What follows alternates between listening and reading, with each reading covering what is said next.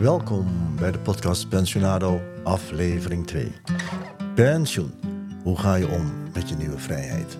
En hoe kijk je terug op jouw werkzame leven? Wat heeft jou geïnspireerd en wat heeft die inspiratie jou gebracht? Deze en nog veel meer vragen zijn de ingrediënten voor het goede gesprek in de podcast Pensionado. Ik ben Patrick Oudijk en ik praat met pensionado's. Mijn gast Ellen Winter, andragoloog, muziekliefhebster en voormalig docenten en studentcoach aan faculteit Economie van de Hogeschool van Amsterdam. Ik praat met haar over opgroeien en keuzes maken, haar studententijd en activisme en haar werkzame leven. En natuurlijk over hoe zij als pensionado aan een nieuwe levensfase met voldoende uitdagingen begint. Kortom, we praten over verleden, heden en toekomst. Ben jij geïnteresseerd in interessante inzichten van mensen die de klappen van de zweep kennen? Of sta je zelf voor je pensioen of ben je al met pensioen? Dan is deze podcast voor jou wellicht een bron van luisterplezier en inspiratie. Fijn dat je luistert naar de Pensionado. Last but not least bedank ik graag Michel Onwezen, die Ellen muzikaal verrast met zijn vertolking van het prachtige lied Zing dan van Jenny Ariens. Naast mij op de bank Ellen Winter. Ellen, hartelijk welkom. Dank je, Patrick. Ehm, nou ja, ondanks de regen en de wind en de blaadjes uh, is het gelukt om hier te komen. Um, Ellen, voordat we beginnen uh, zeg maar aan ons gesprek, zou je jezelf willen introduceren? Uh, ja, dat wil ik wel doen. Um, ik ben dus Ellen Winter, ben 66 jaar oud en woon in Castricum met huisgenoot S, alias partner Sam. we hebben drie volwassen kinderen, drie schoonkinderen en twee kleinkinderen. Um, ik ben opgegroeid in Rijnmond, in de stad Vlaardingen, samen met mijn broertje, broertje, broer en zus. Na de middelbare school ben ik in Amsterdam gaan studeren. Na die tijd heb ik vier verschillende werkringen gehad. En de laatste twintig jaar ben ik bij de Hogeschool van Amsterdam aan de slag gegaan. Op de faculteit Business en Economie. Sinds anderhalf jaar, eh, anderhalve maand zelfs, ben ik gestopt met werken. Dus het is nog wat nieuw voor mij. Dus een beetje onwennig nog allemaal. Ja. Ik hou erg van de natuur. En in de natuur zijn bergen beklimmen, in de bergen zijn, tuinieren, sporten, muziek en zingen. En maar ja, dat. En nou, ik vind vooral gezelligheid met familie en vrienden eigenlijk ook heel erg belangrijk. Dus okay. dit in het kort, ja. Ja, dankjewel. We kijken met elkaar terug op je werkzame leven en alles wat erbij is gekomen. Het is altijd heel leuk om dan toch even naar het prille begin te gaan. Dus hm. de tijd dat je, dat je een meisje was. Wat voor meisje was Ellen Winter? Ja, dat heb ik natuurlijk uit de overlevering. Ik, ik heb daar zelf uh, ook wel wat herinneringen aan, maar ik heb vooral later dingen over mijzelf gehoord hoe ik was. Uh, ja, mijn ouders vonden mij uh, rustig, vrolijk, nieuwsgierig. ik speelde veel met mijn jongere zusje, met onze poppen. En dan speelden we altijd Tante Mooi en Tante Ina. En ik las graag boekjes en die haalden we altijd uit de bibliotheek. En, het ging dan over Pietje Prik, de kleermaker en zo, dat soort boekjes. Um, nou, ik vond op school, op de basisschool, de magere school heette het daar nog, uh, leuk om te leren. Ik had er geen moeite mee. En ik vond het erg leuk ook om, om werkstukjes te maken. Was je daar zeg maar de enige in het gezin? Of had je ook een broer en een zusje die heel erg uh, zeg maar van het leren hielden, zodat jullie elkaar ook daarmee bezig hielden? Of was jij de enige daarin? Nou, nee, nee dat, uh, dat, dat was niet zo, nee. Okay. Dat lag heel anders. Nou, ik was ook de oudste, dat, uh, dat maakt natuurlijk wel uit. Dus zij kwamen na mij, maar ik had de indruk dat zij het wat minder leuk vonden op de basisschool of de lagere school. En sowieso op school om allerlei redenen. Maar, uh, dat maakt je dan toch wel een, een, een ander kind, denk ik, dan, uh, ja. dan, dan, je ja. broer en je zusje? Ja. ja, dat vonden mijn ouders natuurlijk vooral heel fijn, dat ik zo in elkaar zat. Ja. Ja, maar goed, zij hebben ook hun uiteindelijk allemaal goed gekomen. Dus het kan op allemaal verschillende manieren goed komen natuurlijk. Ja. ja. ja. ja. Eh, ja, ik, wij woonden op een flat eh, in de binnenstad. Eh, ik was best wel eh, veel binnen, eigenlijk. En, en waar was dat? Waar- In Vlaardingen. In Vlaardingen, in Vlaardingen. Ja, Nou, daar ben ik opgegroeid, ja. daar ben je opgegroeid. Ja. Ja. Ja. Oké. Ehm, al als je dan terugdenkt hè, naar, naar, die, naar die tijd, eh, of aan die tijd, eh, heb je dan een beeld van, van wat die opvoeding met jou gedaan heeft? Eh, hoe heeft het jou gevormd? Ehm, ja, mijn ouders waren Amsterdammers uit Oost. En hadden ook zo'n manier van, van praten. Dus eh, met een zekere humor. En eh, eh, ja, echt Amsterdamse humor. En waren nogal ad rem. En, nou, dat was in Vlaardingen een heel, eh, heel anders. Dus zij hadden best wel moeite. Nou ja, ze merkten dat dat niet altijd eh, even goed werd opgepakt. Want, want eh, wat, Ja. wat, wat, wat, wat, wat was die Amsterdamse humor die koud op het dak van die Vlaardingers Ja, eh, landde? ja Rotterdammers hebben, of Rotterdammers, Oh, het is natuurlijk Rotterdammers. 010 of zo, zeg maar. ja. Die, die hebben natuurlijk ook een humor, natuurlijk. Ja, ze hebben allemaal wel humor, maar anders dan die van mijn vader en moeder. Die, die, dat was echt bon, heel ad rem. Dat, dat was anders. Maar ehm, ja, nou, dat hebben wij ook als kind natuurlijk wel eh, eh, meegenomen, of meegekregen ook. Want naast ons wonen bijvoorbeeld hele lieve eh Feyenoord-fans. Ja. Ehm, en mijn vader en moeder waren natuurlijk, oh ja, dat is wel belangrijk, waren Ajaxide en laatst het Amsterdamse Parool nog in, in, in Vlaardingen, heel wat jaar. Eh, maar goed, met die buren die Feyenoord waren, dat was gewoon ook wel prima. We konden daar wel goed mee overweg hoor. Dus zo erg was het ook niet. Dus eh, we konden echt met elkaar wel heel veel plezier hebben. En mijn ouders kwamen uit eh, gezinnen waar elk dubbeltje werd omgedraaid. Ehm, ja, en dat deden ze eigenlijk de rest van hun leven ook wel. Ondanks het feit dat, dat ze het gewoon veel beter hadden. En mijn vader had een goede baan als werktuigbouwkundige ingenieur bij een kunstmestfabriek. Mhm. Dus eh, ja, eh, dat was eh, geen probleem met, met financiën meer. Maar ze bleven heel erg zuinig. En die zuinigheid heb Ja. je ook overgenomen, Nee. meegenomen? Nee, Nee. dat heb ik nou niet meegenomen. Oh, oké. Dat waren zij wel. En, maar zij hebben ook de oorlog natuurlijk ook nog eens meegemaakt. De hongerwinter Ja. in Amsterdam. Dat is natuurlijk echt wel ernstig. Dus mijn moeder kookte... Ze hamsterde altijd. Mhm. Ze had altijd eh, in een kast allemaal potjes en dingen. Dat heb ik ook overgenomen. Of dat heb ik overgenomen. En ik heb ook overgenomen dat ze altijd te veel kookte. Ze was altijd bang om tekort te komen. Ja, En dat ben ik ook altijd. ja. Dus ik heb ook altijd eh, restjes vaak over. Dus ja, dat heb ik dan meegenomen. Nou ja, goed, ehm, mijn vader was eh, best wel trots dat mijn moeder niet hoefde te werken. Mijn, mijn moeder wilde op een gegeven moment, eh, op, toen, wat later, wilde ze een keer bij, als verkoopster bij V&D gaan werken. Die was dan net nieuw in Vlaardingen. Maar toen zei mijn vader, nou, dat hoeft niet hoor. Jij hoeft niet te werken, want eh, we hebben het gewoon goed genoeg. Hè? Dus het was ook een soort statussymbool dat je de vrouw niet hoefde te werken. En betekende dat dan ook dat Ja. je dat overnam? Dat je dacht van, nou ja, eh, Ja. als ik straks groot ben en ik krijg eh, verkering met iemand die ervoor zorgt dat ik niet hoef te werken, dan is het goed?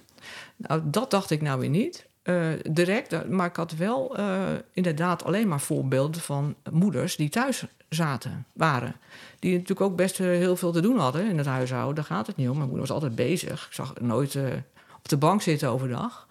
Maar ehm, ik heb inderdaad niet meegekregen dat, dat moeders ook werkten. Dus had ik later ook nog wel wat, wat nou, last van. Eh, eh, nou, het was voor mij wel een eye-opener dat ik ineens bedacht... oh ja, ik ga vervolgopleidingen doen. Oh, dan moet ik ook daarin gaan werken. Dat was toch wel even een dingetje op een gegeven moment. Maar Maar, dat, dat ja. kwam pas later. Ja, dat kwam pas later, Dus, ja. dus, dus je, je was een slim meisje, eh, absoluut. En, en, maar je had nooit het idee van, hé, hey, ik ga studeren en dan van daaruit de wereld veroveren, ik zeg maar wat. Of, of iets, iets, iets, iets groots doen met, je, met, je, met de kennis die je hebt opgedaan. dat Eh, dat kwam nee. niet vanzelf in je op. Nee, wel dat studeren, want ik hield van leren. Dus ik Ja. zag, ik bedoel, ik, maakte, ik, ik wou graag, graag naar school en eh, vervolgopleidingen doen. Maar toen ik jong was, had ik geen idee dat ik daar later in zou gaan werken of zo. Ja. Dat helemaal niet. Mijn ouders waren heel muzikaal. eh, ze konden heel mooi zingen. En ze zongen echt samen ook heel erg mooi. Vooral ook bijvoorbeeld in de auto. Want we hadden natuurlijk een eh, nog geen autoradio toen. Dus dan zongen, wij, zongen zij heel mooi. Daar waren wij als kinderen helemaal stil van achterin. Mhm. Ehm, en eh, nou, ook op vakanties, als we gingen wandelen, gingen we altijd eh, door de bossen, door de duinen zingen. Altijd zingen. Wat klinkt Ja. dat benijdenswaardig. Ja, Ik heb het tegenovergestelde. Als Oh ja? ik begin te zingen, dan gaan mijn kinderen er doorheen. maar, maar jullie waren stil. Dat moet wel heel goed zijn geweest. ja, nou, ik was er wel van onder de indruk ja, Ja. van het geluid wat, wat ze produceerden. Zo. Maar ja, goed, dit zijn natuurlijk wat dingetjes. Er zijn natuurlijk ook gewoon andere dingen natuurlijk geweest van, van narigheidjes of ruzietjes of eh, probleempjes. Maar Ja. dit is wat ik eh, van nu aan denk, waar ik nu aan denk. Bijvoorbeeld ook eh, dat ze dan op zondagmiddag ging mijn vader dan de Persische tapijtjes oprollen in onze kamer.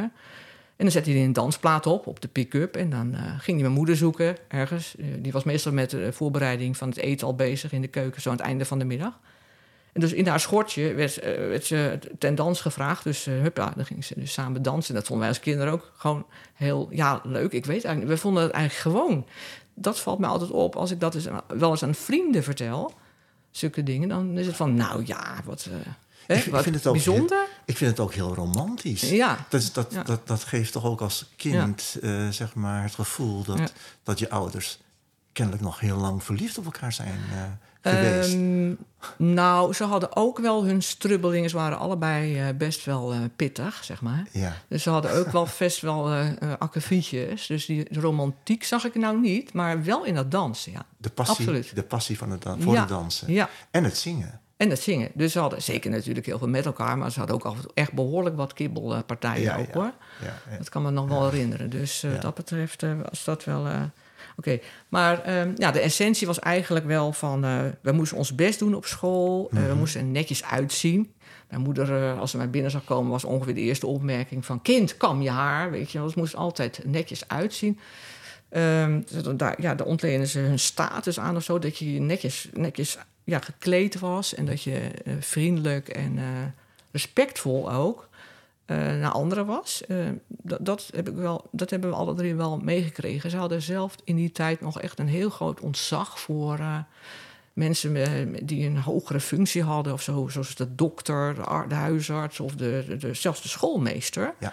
Wij konden echt, eh, als, als er al iets was op school, dan was het altijd onze eigen schuld. Ging- Mijn vader en moeder gingen er gewoon vanuit dat wij iets eh, niet goed gedaan hadden. Dus het was geen kwestie dat zij naar school gingen van... eh, hallo, eh, wat- wat is er aan de hand of zo? Nee, wij, wij werden direct gezegd... nou, dat, dat zal wel in jezelf liggen. Dus eh, weet je, dat soort dingen... dat is natuurlijk heel erg veranderd eh, tegenwoordig. Hè? Dat, Absoluut. Heel En, anders, ja. en dat heb je ook meegenomen eh, na je lagere schoolperiode, neem ik dan aan. Hè? Want je gaat dan naar de middelbare school. Eh, heb, je, heb je dat gedrag altijd eh, zeg maar meegenomen? Ook, ook, ook toen je zeg maar, eh, naar de middelbare school ging? Eh, ja, ja, Ja. ja. Ja, ja, in eerste ja, zeker. Ik was zelf ook zo, eh, ja. Ja, Ellen, dan kom je van, eh, van de lagere school. Hè? Een keurig opgevoed eh, meisje. Een brugklas kan ik me zo voorstellen toen in die tijd. Ja, ver- verandert er dan iets? Of bl- blijf je dat, dat hele brave, goed opgevoede meisje? Eh, ja, zeker nog wel een aantal jaar, ja. ja. Nog een aantal jaar. En wat is een aantal jaar? Twee? Nee, toch wel een jaar of drie, vier of zo. Daarna werd het wat, eh, wat losser en wat, eh, ja, wat gewoon anders. Maar goed, dat is als je ouder wordt. Ja. Ehm, ja, nee, ik deed gewoon altijd wel mijn best. Ehm, eh, ja, en mijn vader die zei ook van... nou ja, jullie moeten echt eh, diploma's halen, want... ik wil dat, jullie ge- dat, je, dat ik geen HEMA-meid word. Geen HEMA-meid. Dat Ja. had, had een bepaalde lading toen in Ja. die tijd. Een HEMA-meid. Ja, ja dat, eh, dat kennelijk. ja, dat was een. eh, dat moest je in ieder geval niet. Zo moest het niet een beetje aflopen of zo. Nou, ik kan me erge dingen voorstellen. Maar dat vond mijn vader toch eh, wel iets wat eh, niet voor zijn kinderen voor had. Zo. Oh, nou, een, een persoonlijke noot is dat ik het altijd allercharmste meisjes vond die mij de HEMA-worst verkochten. Dus ik zie nou 1, 2, 3 niet wat hij bedoelt. Maar Ja, nee. Dus het moest wel wat, wat hoger eh, opgeleid. ik moest wel wat hoger opgeleid worden. Nou, dat was ook niet echt een, echt een probleem of zo. Ehm, ja, dus die middelbare school, eh, dat, daar rolde ik wel door. Ik was nog wel de tussentijd eh, best wel een jaar heel erg ziek. Dus ik ben ook een jaar blijven zitten. Ja. Eh, dat was de ziekte van Pfeiffer. En dat was in die tijd dus helemaal niet bekend. Dat, ik wist niet wat ik had. Ik had heel, was heel erg ziek. Dus toen ben ik gewoon een half jaar of zo niet naar school gegaan. Dus ik heb een jaar eh, eh, eh, over... Of, nee, niet over. Ja, overgedaan natuurlijk. Ja. Ja, zeker. Zit je dan in de in Eh, nee, dat was in de derde of zo. De- oh, dan was je nog eh, relatief ja, jong. hè, ja, toch? ja, toen was ik... eh, ben je dan 14 of zo? Ja, 14, 15 jaar, ja.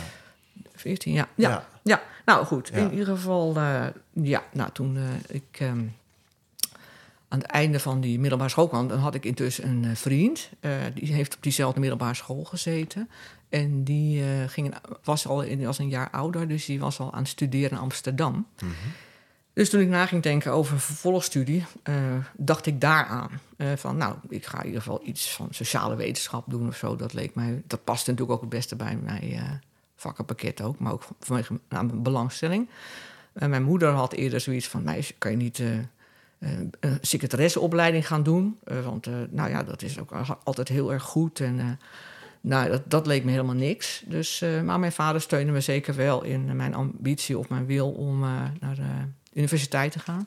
En nou, ook nog in Amsterdam. Maar dat was, dat was helemaal niet erg, want daar woonde de hele familie. Dus eh, daar ken ik natuurlijk nog heel veel mensen. Maar mijn vriend woonde daar dus ook. Dus zodoende ging ik ook, ook psychologie studeren. Psychologie? Ja, ja, ja, oké. ja, ja. ja. Nou, Om, want je vriend studeerde psychologie? Ja, ja, Ja. ja.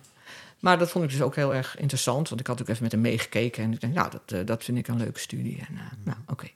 Maar dat viel toch wel tegen. Want eh, ja, die, het opleidingsconcept, oftewel de manier van lesgeven... Dat, dat paste helemaal niet bij mij.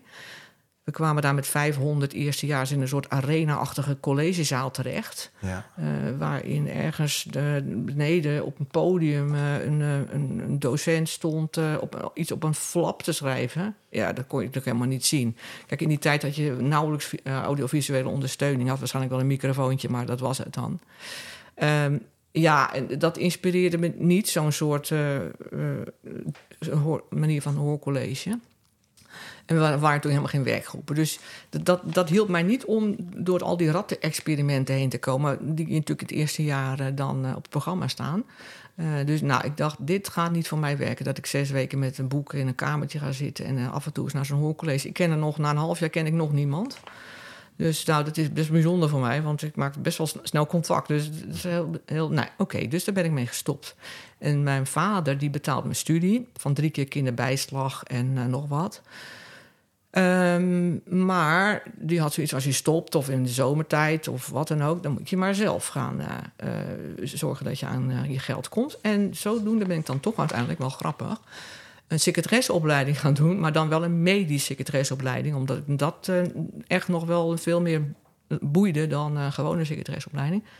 Dus een particuliere opleiding gedaan in die tijd. Om, nou, ik denk, ik moet altijd tussendoor werken. eh, dus ik ga nu eh, die opleiding doen. Dus het was in feite Ja. een, een tussenjaar. Dus psychologie Ja. zeg je vaarwel, Ja. niks voor jou. Ja, Je gaat een medische secretaresseopleiding doen. En die betaal je ook zelf. Je vader was nee, mijn vader betaalt, die, die betaalt Dat- opleidingen. Dat betaalde hij, ja, ja, hij ja, wel. ja, ja. oh, ja, oké. ja. Ja. Ja. En- En, en die secretaresseopleiding, eh, dat terugvallen zeg maar, op, op het idee van je moeder. want Ja, dat ja, deed je ja, dat is wel grappig op zich. Ja. Ja, Ja, want het is dus zo'n soort bijbaan, vakantiebaantje. En je kon kiezen tussen schoonmaken of in de zorg of weet ik wat. Dus Ja. of dit, hè, in, in administratie. ja. Tenminste, dat was voor mij de, de, de manier, de keuzemogelijkheid. Dus dacht ik, nou dan liever een wat interessantere secretaressebaan. Nou, dat was het ook. Het was echt een ontzettende leuke en boeiende opleiding. Was het, was het ook Ja. eh, eh, om, om even de teleurstelling te verwerken? Ik bedoel, psychologie, hè? universitaire studie. Ja. toch prestigieus. En Mm. Dat gaat dan niet om wat voor reden dan ook, maar dan moet je toch even afkicken. Denk. Ja. ja, wat nu, hè? Denk Ja. je dan? Ja. ja, precies. Maar ik maakte me daar in de tijd helemaal geen zorgen over. Er kwam alweer wat. Ik. Maar ik kan me niet herinneren dat ik daar eh, over voor wakker lag. Nee, nee. Dus het was alleen even een kwestie van ik ga dit doen en dan ga ik werken en dan ga ik goed nadenken en dan komt het allemaal wel. Nou, zo is het ook precies gegaan, want ik ben gaan werken na die secretaresseopleiding, eh, onder andere op de, eh, in het Wilhelmina Gasthuis op de afdeling eh, psychiatrie en dan nog wel op de afdeling maatschappelijk werk daarvan. Ehm, als secretaresse, maar de de, de maatschappelijk werkers vonden mij nou niet echt het prototype uh, secretaresse. Dus ja, omdat ik me gewoon met allerlei andere dingen ook bezig hield dan dat. En dat vonden ze ontzettend grappig. Maar wat voor dingen hield je je bezig? Ja, organisatie van uh, het werk eigenlijk. Want ik vond het een beetje een rommel of zo. Ik weet het niet wat het was. Ik, ik ging ja. gewoon dingen doen die eigenlijk niet... Nou ja, dat. Dus dat is wel weer grappig om dat dan te merken. Eigenwijzigheid, dat zit wel een beetje in mij natuurlijk. Um, maar daar kwam één keer per uh, maand kwam er een uh, vrouw die, zit, die zat de, de vergadering voor, de, de, overleg eigenlijk. En die maakte hele interessante opmerkingen, vond ik. Uh, en zij zei hele zinnige dingen over het werkveld, maar ook over de manier van werken en zo.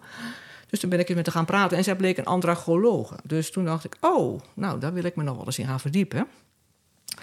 Nou ja, en toen uh, na de verdieping dacht ik, nou, dit is het helemaal wel. Ten eerste onderwerp, uh, wat de andragologie bezighoudt. Het, uh, ja, het gaat over sociale wetenschap. Hè. Het combineert al psychologie, sociologie en filosofie en, met elkaar. Maar het gaat eigenlijk over ja, het begeleiden van volwassen mensen in een... Veranderende samenleving, waarin ze te maken krijgen met hobbels en, en, en dingen. Dus ja, dat vond ik wel heel erg interessant. Plus dat het onderwijsconcept mij ook direct aansprak. Daar wil ik natuurlijk wel even naar gaan kijken hoe dat in elkaar zat. Het is natuurlijk een hele kleinschalige studie. Uh, met weinig studenten. Dus je had kleinere collegezalen als je, uh, en, uh, als je al college had. En het was heel interactief. Mm -hmm. En er waren werkgroepen en leergroepen. En ja, je moest referaten houden en presentaties. En nou, dat was heel actief leren. In een kleine groep samen met anderen. En dat was precies wat mijn manier van leren is. Dus het uh, ging erg uh, goed. Dat, dat paste direct. Maar ook, ja, ik, kwam daar de, alsof ik voor het eerst naar de wereld keek. Het was voor mij zo...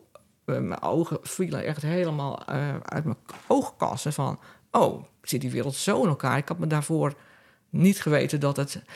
ik had me daarvoor nooit bezig gehouden met machts- en krachtverhoudingen in de samenleving... of met allerlei ja, en onrecht. Het, en was het de combinatie van de kennis die je aangereikt kreeg uh, uh, met zeg maar de wijze waarop het werd georganiseerd? Dus ook, ook, ik kan me ook heel goed voorstellen, die, die, die, die kleinschaligheid zorgt ook voor heel veel gesprekken ja. met, met medestudenten, ja. heel veel discussies. Het was ook een roerige tijd. Zeker, uh, toch? Denk zeker. Ik. Ja, dat was natuurlijk net na de jaren 60 natuurlijk wel flink en na de jaren 60. Ja, 60. Maar, ja, maar dan nog, nee, het was sowieso een studierichting waarin heel veel gebeurde, zeg ja. maar. Waar heel veel dingen uh, ter discussie stonden en uh, ook, uh, ja. En, en, ben je daar jezelf ook actief mee gaan bemoeien? Zeker, Want ik kan me heel goed voorstellen vanuit dat verhaal van de secretaresse... Dat, dat je niet stil zit, dat je iets wil doen. hoe, heeft dat, hoe heeft dat uitgewerkt in, je, in jouw in jouw studieperiode, om het eens even zo te zeggen? Was je ook zo'n actieve ja. dame? Ja. ja, zeker. Heel erg, zeker actief studenten. Ja. Uh, we hielden dus ons met dit soort on die onderwerpen bezig, waar, waar, mijn hart ook uiteindelijk naar uitging. En ja. uh, waar ik heel veel van leerde. Maar de daad werd direct bij het woord gevoegd. Want uh, nou ja, er waren een aantal dingen die niet, die we, waar we het helemaal niet mee eens waren. En daar gingen we ook direct dus voor de straat op. Dus we gingen best wel veel demonstreren. Het ging toen bijvoorbeeld over uh, ja, ik veel, uh, allerlei dingen als kernwa- anti-kernbewapening, kernenergie überhaupt. en vanwege al de afval die natuurlijk, waar moest dat dan blijven. Maar ook abortus, emancipatie van de vrouw in het algemeen trouwens. maar ook bijvoorbeeld iets als wonen, betaalbaar ja. kunnen wonen. Ja. Nou, dat was toen ook al een issue. Uh, zo ben ik ook twee keer aan, uh, door middel van kraken aan mijn eigen woning gekomen in Amsterdam. Maar ik heb ook nog wel meegeholpen andere mensen om een woning te kraken. Ja, het was gewoon in die tijd ongeveer ook de manier uh, om aan een woningje te komen in Amsterdam. Dus je, je, je, je beet jezelf vast in, in de ja. grote maatschappelijke ja. ontwikkelingen. Ja. En was er zelf ook onderdeel van tot en met kraken aan toe, uh, ja. be begrijp ik. Ja, maar dat gebeurde best wel veel hoor. Dat was niet dat zo heel bijzonder in die tijd. Gebeurde dat veel ja. Bij, ja. bij, bij je studiegenoten? Ja. Of was het, is, was het een algemeen verschijnsel? Ja, ja algemeen, algemeen verschijnsel. Algemeen verschijnsel? Ja, absoluut. Ja. Ja, ja. ja. dus uh, zo, zo ging dat. En uh, ja, nou ja, ik realiseer me nou, dus die onderwerpen die ik net noemde, dat, dat ik daar op de dag van vandaag bij wijze van spreken nog actie op zou kunnen voeren, omdat het nog steeds niet goed geregeld is. Hè? Dat vind ik Ja. dan wel weer een, een constatering Ja. van, oh, ja, nou, oké.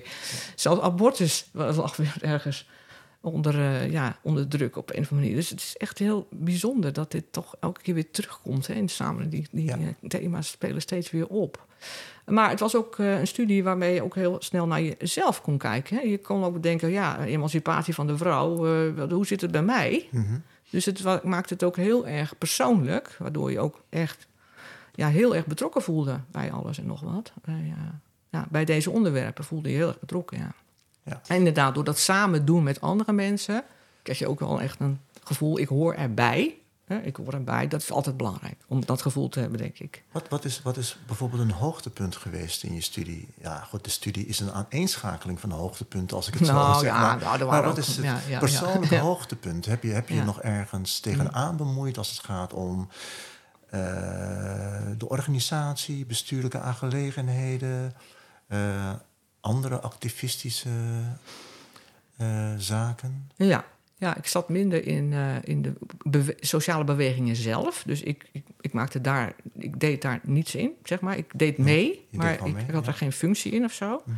Maar wat ik wel deed, is ehm, eigenlijk binnen de kortste keren in allerlei raden en besturen gaan zitten. Van de subfaculteit andragologie. Ja. ehm, eh, en daarna van de faculteit sociale wetenschappen. En daarna in de universiteitsraad eh, namens de ASFA. Eh, daar ben ik dan wel bij aangesloten. eh, of tenminste, dat, dat was al snel dat ik daar met, met name aansloot. Maar namens de ASFA werd, eh, zat ik in de universiteitsraad. Ja, dat was een hele bijzondere tijd. Ik he- ook echt verschrikkelijk veel geleerd heb natuurlijk in zo'n overleg van, met allerlei docenten, hoogleraren. minister Kemenade, die zitten, zat die vergadering voor. Mhm. Eh, ja, dat, waren echt, hele leerzame, echt een hele leerzame periode. En dat was eigenlijk een mooie koppeling tussen eh, activisme of, of bevlogenheid... en het ook eh, in, daadwerkelijk voor elkaar te krijgen in die organisatie... in die universitaire organisatie, om het ook te veranderen. Dus je moest ook echt, je kon ook echt met invloed omgaan. Tenminste, omgaan, daar, daar leerde je mee omgaan. En hoe kan ik invloed eh, uitoefenen ergens op? Merk, merkte je toen dat je ook bestuurlijk talent had? In zekere zin wel, ja. Ik ben wel iemand eh, die, eh, dat, eh, dat- die dat graag doet eigenlijk. Iets met besturen. Dat heb ik in latere leven zat ik ook weer allerlei besturen. Dus dat is kennelijk wel iets wat mij ligt. Als manier van invloed uitoefenen, verandering op gang brengen of zo. Mooi. Of mooi. dingen regelen. Ik ben ook gewoon een regelneef. Ja. neef dus Ja. ja, ja, Ja. dat. Ja, ja Ellen, die, eh, die activistische houding hè, die, je- die je liet zien... eh, hoe viel dat eh, thuis? Hoe, hoe reageerden je ouders daarop?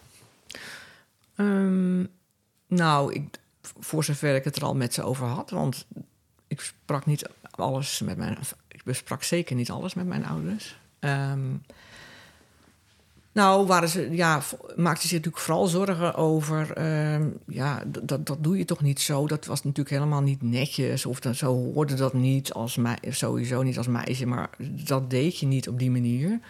Want dat hebben zij natuurlijk nooit gedaan. Maar ehm, dus dat was een ding. Dus de, de manier waarop ik protesteerde vonden ze lastig.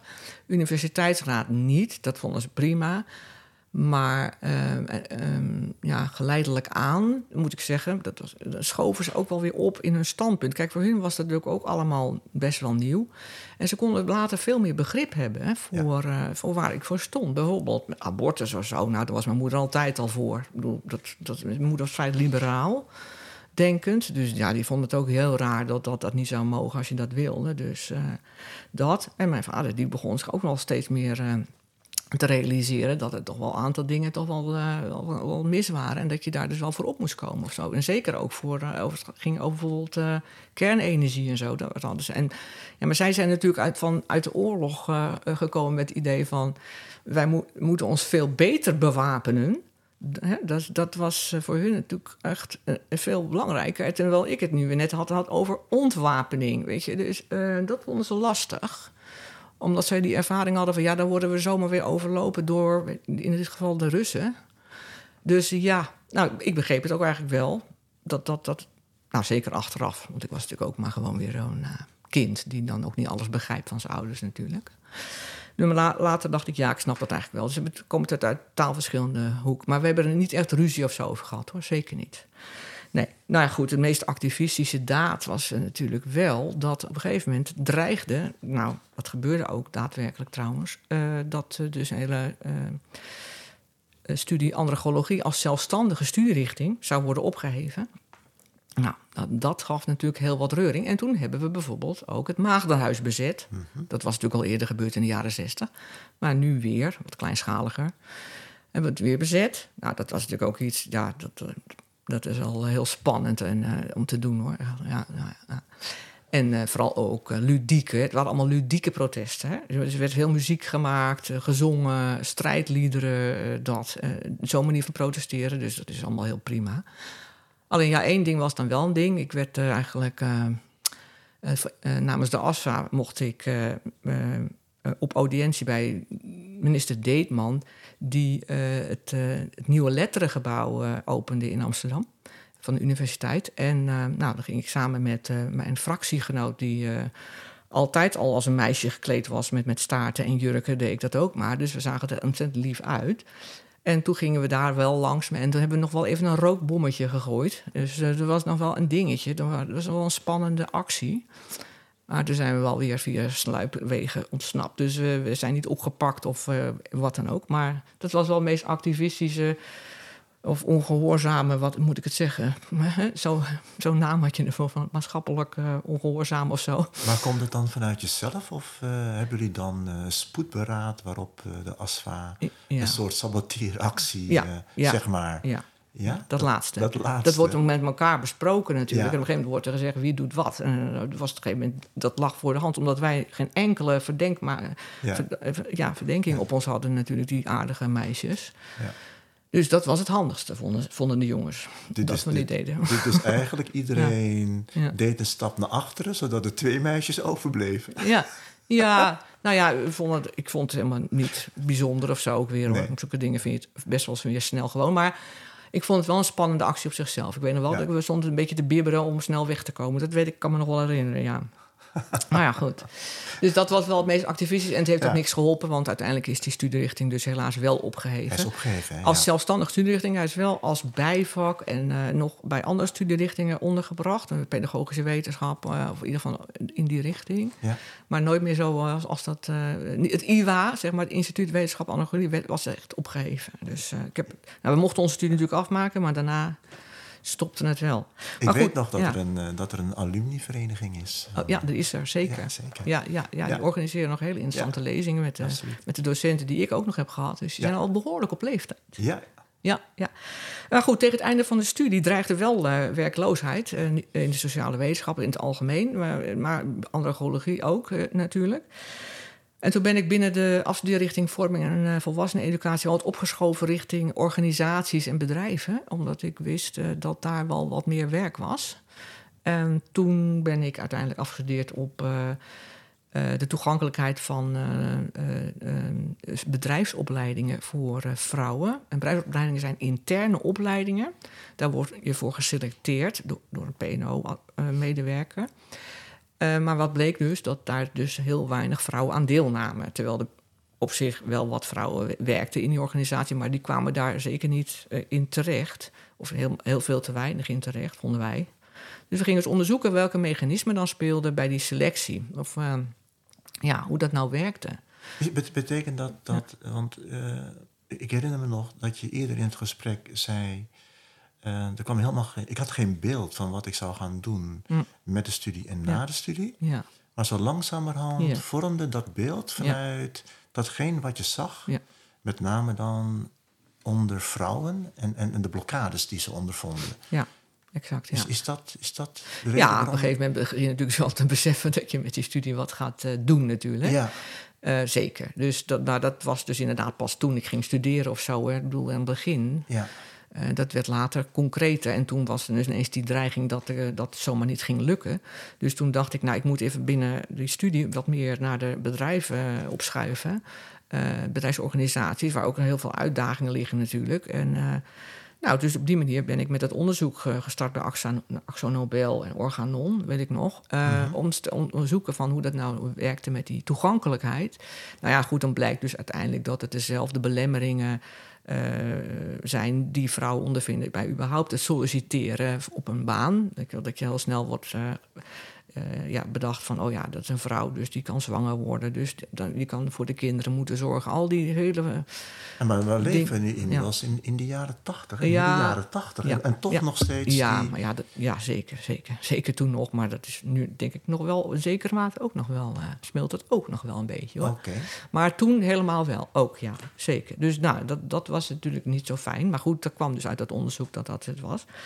Ehm, nou, vlak voordat ik echt afstudeerde, eh, kwam er vanuit sociale zaken een eh, aanbod voor eh, werklo- werkloze academici om een, een omscholingscursus te volgen. Dus je was nog niet eens Nee, ik was nog niet afgestudeerd, maar ik zag de bui toch nog steeds wel hangen. hangen. Mede omdat. Nou ja, goed, ik ga eerst even vertellen wat die, die omscholingscursus inhield. Ja, Dat was eh, de, de trainer-opleider in het bedrijfsleven. Nou, daar was ik eigenlijk al een beetje mee bezig. Maar, Nou, daar ben ik sowieso mee bezig met, met eh, eh, educatie, voor volwassenen-educatie en dan dus gewoon bedrijven. Ehm, dus ik had er wel veel kennis en zo over, maar ik had intussen helemaal geen praktische vaardigheden ontwikkeld. Want zoals dat op de universiteit was, en volgens mij nog steeds is, is dat je daar geen stages loopt. Dus je leert eigenlijk nooit in de praktijk iets, eh, eh, eh, iets uit te voeren, waardoor je geen ervaring hebt. Als je dus afstudeert, dan moet je alles dan nog leren. En dat gaat natuurlijk wel, daar gaat het niet om, maar dat kost wel een tijd. En dat vond ik nou wel jammer. Dus ik dacht, oh, ik ga me inschrijven voor die cursus, waar ook weer een selectie voor was trouwens. Omdat ik daar leer, hoe zet ik een training op, hoe zet ik een opleidingsplan in elkaar, hoe betrek ik daar leidinggevenden omheen. Nou, dat leek me heel interessant. En gelukkig werd ik aangenomen en eh, nou, dat heb ik gedaan. En dat was echt zeer nuttig, want ook in die opleiding eh, was er wel een, een stage gepland. En daar kon ik terecht bij de HEMA uiteindelijk. Toen ben ik daar op de afleiding, afdeling opleiding en organisatieontwikkeling terechtgekomen als opleider. Ehm, eh, nou, daar ben ik ook, dat werd ook direct na de stage werd ik daar aangenomen. Dat is eigenlijk mijn eerste baan daar. ja. Ja, toen ben ik daar training en opleiding gegaan opzetten en geven aan middelmanagers. Dat ging dan vooral over communicatieve gespreksvoering. Dat, dat soort, vooral dat soort eh, trainingen waren dat, communicatieve trainingen. Eh, nou, dat, is natuurlijk, dat, dat deed ik. Intussen kreeg ik een eerste kind daar eh, in die periode. En we wonen nog in Amsterdam in een woongroep. En dan, dan praat je Ja. over welk Eh, jaar? de, nu hebben we het nu over. eh, nee, nou, dit, ik ben daar in 88 of zo begonnen, of zeven- 87, 89 kreeg ik mijn eerste kind. kind. Ja. Ehm, ja, dus ik werkte daar, dat was prima, vond ik. Alleen ehm, eh, die afdeling werd opgeheven, dat werd geoutsourced, zoals het dan heet. Ja. En werden allemaal ontslagen. Dus, nou, dat was eh, even weer een ding. Hè. Dat heb je van die momenten in je leven dat je even wat anders moet. Ehm, dus dan ben ik me gaan heroriënteren op een andere functie. Maar goed, dat duurde weer even. Intussen ben ik eh, verhuisd vanuit die woongroep in Amsterdam naar een eensgezinswoning in Castricum. Wat een grote stap zeg. Ja, ja wij, wij zochten iets voor onszelf. Wij waren de woongroep een beetje ontgroeid, omdat Ja. wij als enige eh, een kind hadden. En ehm, intussen was de tweede al op komst toen we daar naartoe gingen. En dan praat je zeg maar een kind samen met je huidige partner. Hè? Ja, ja, Ja. zeker. zeker Ja. ja. Met huisgenoot S. Met huisgenoot S. Ja, dat, dat zei je in het begin. Huisgenoot S. Ah, dat is, ge- dat is ge- gestolen van Sylvia Witteman. Oh, oké. Die Nou, heeft het mag, altijd over mag. haar huisgenoot P. In deze podcast mag het. Ja, ja, nee, oké. nee, eh, Sam dus. Ja, daar Ja, ging Sam. ik eh, mee eh, in de omgeving van Amsterdam of in Amsterdam een huis zoeken. Maar dat was echt toen ook al eh, onmogelijk voor starters. Dus toen eh, zijn we uiteindelijk in Kastikum terechtgekomen. Ja, prachtig hoor. Maar het was wel een hele overgang.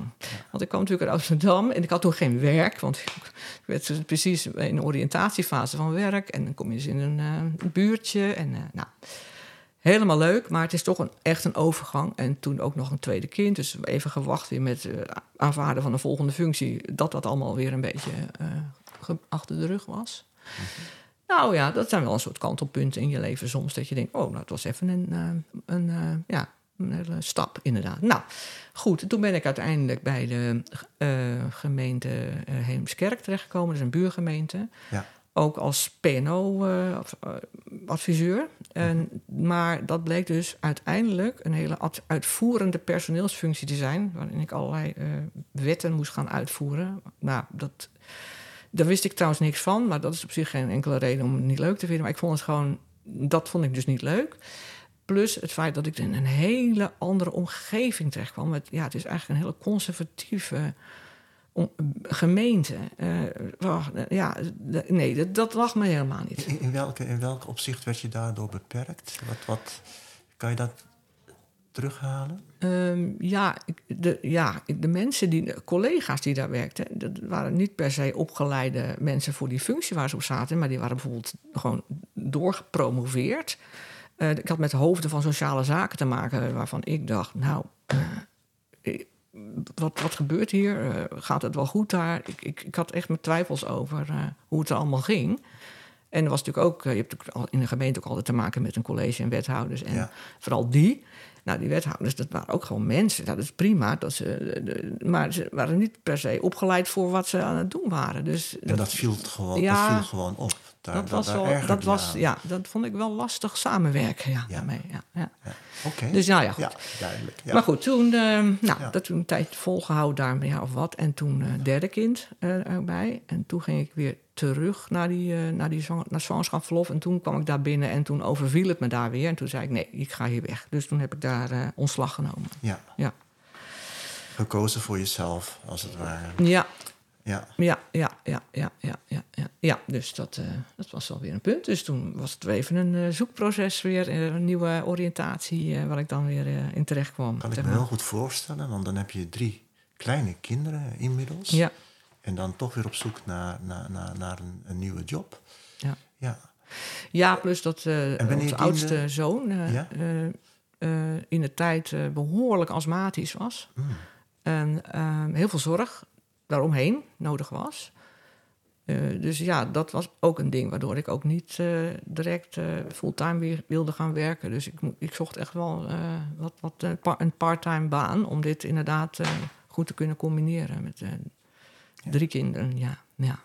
Ja, van, voor mij klinkt het als een situatie wat weer traditioneel wordt toebedeeld aan de vrouw.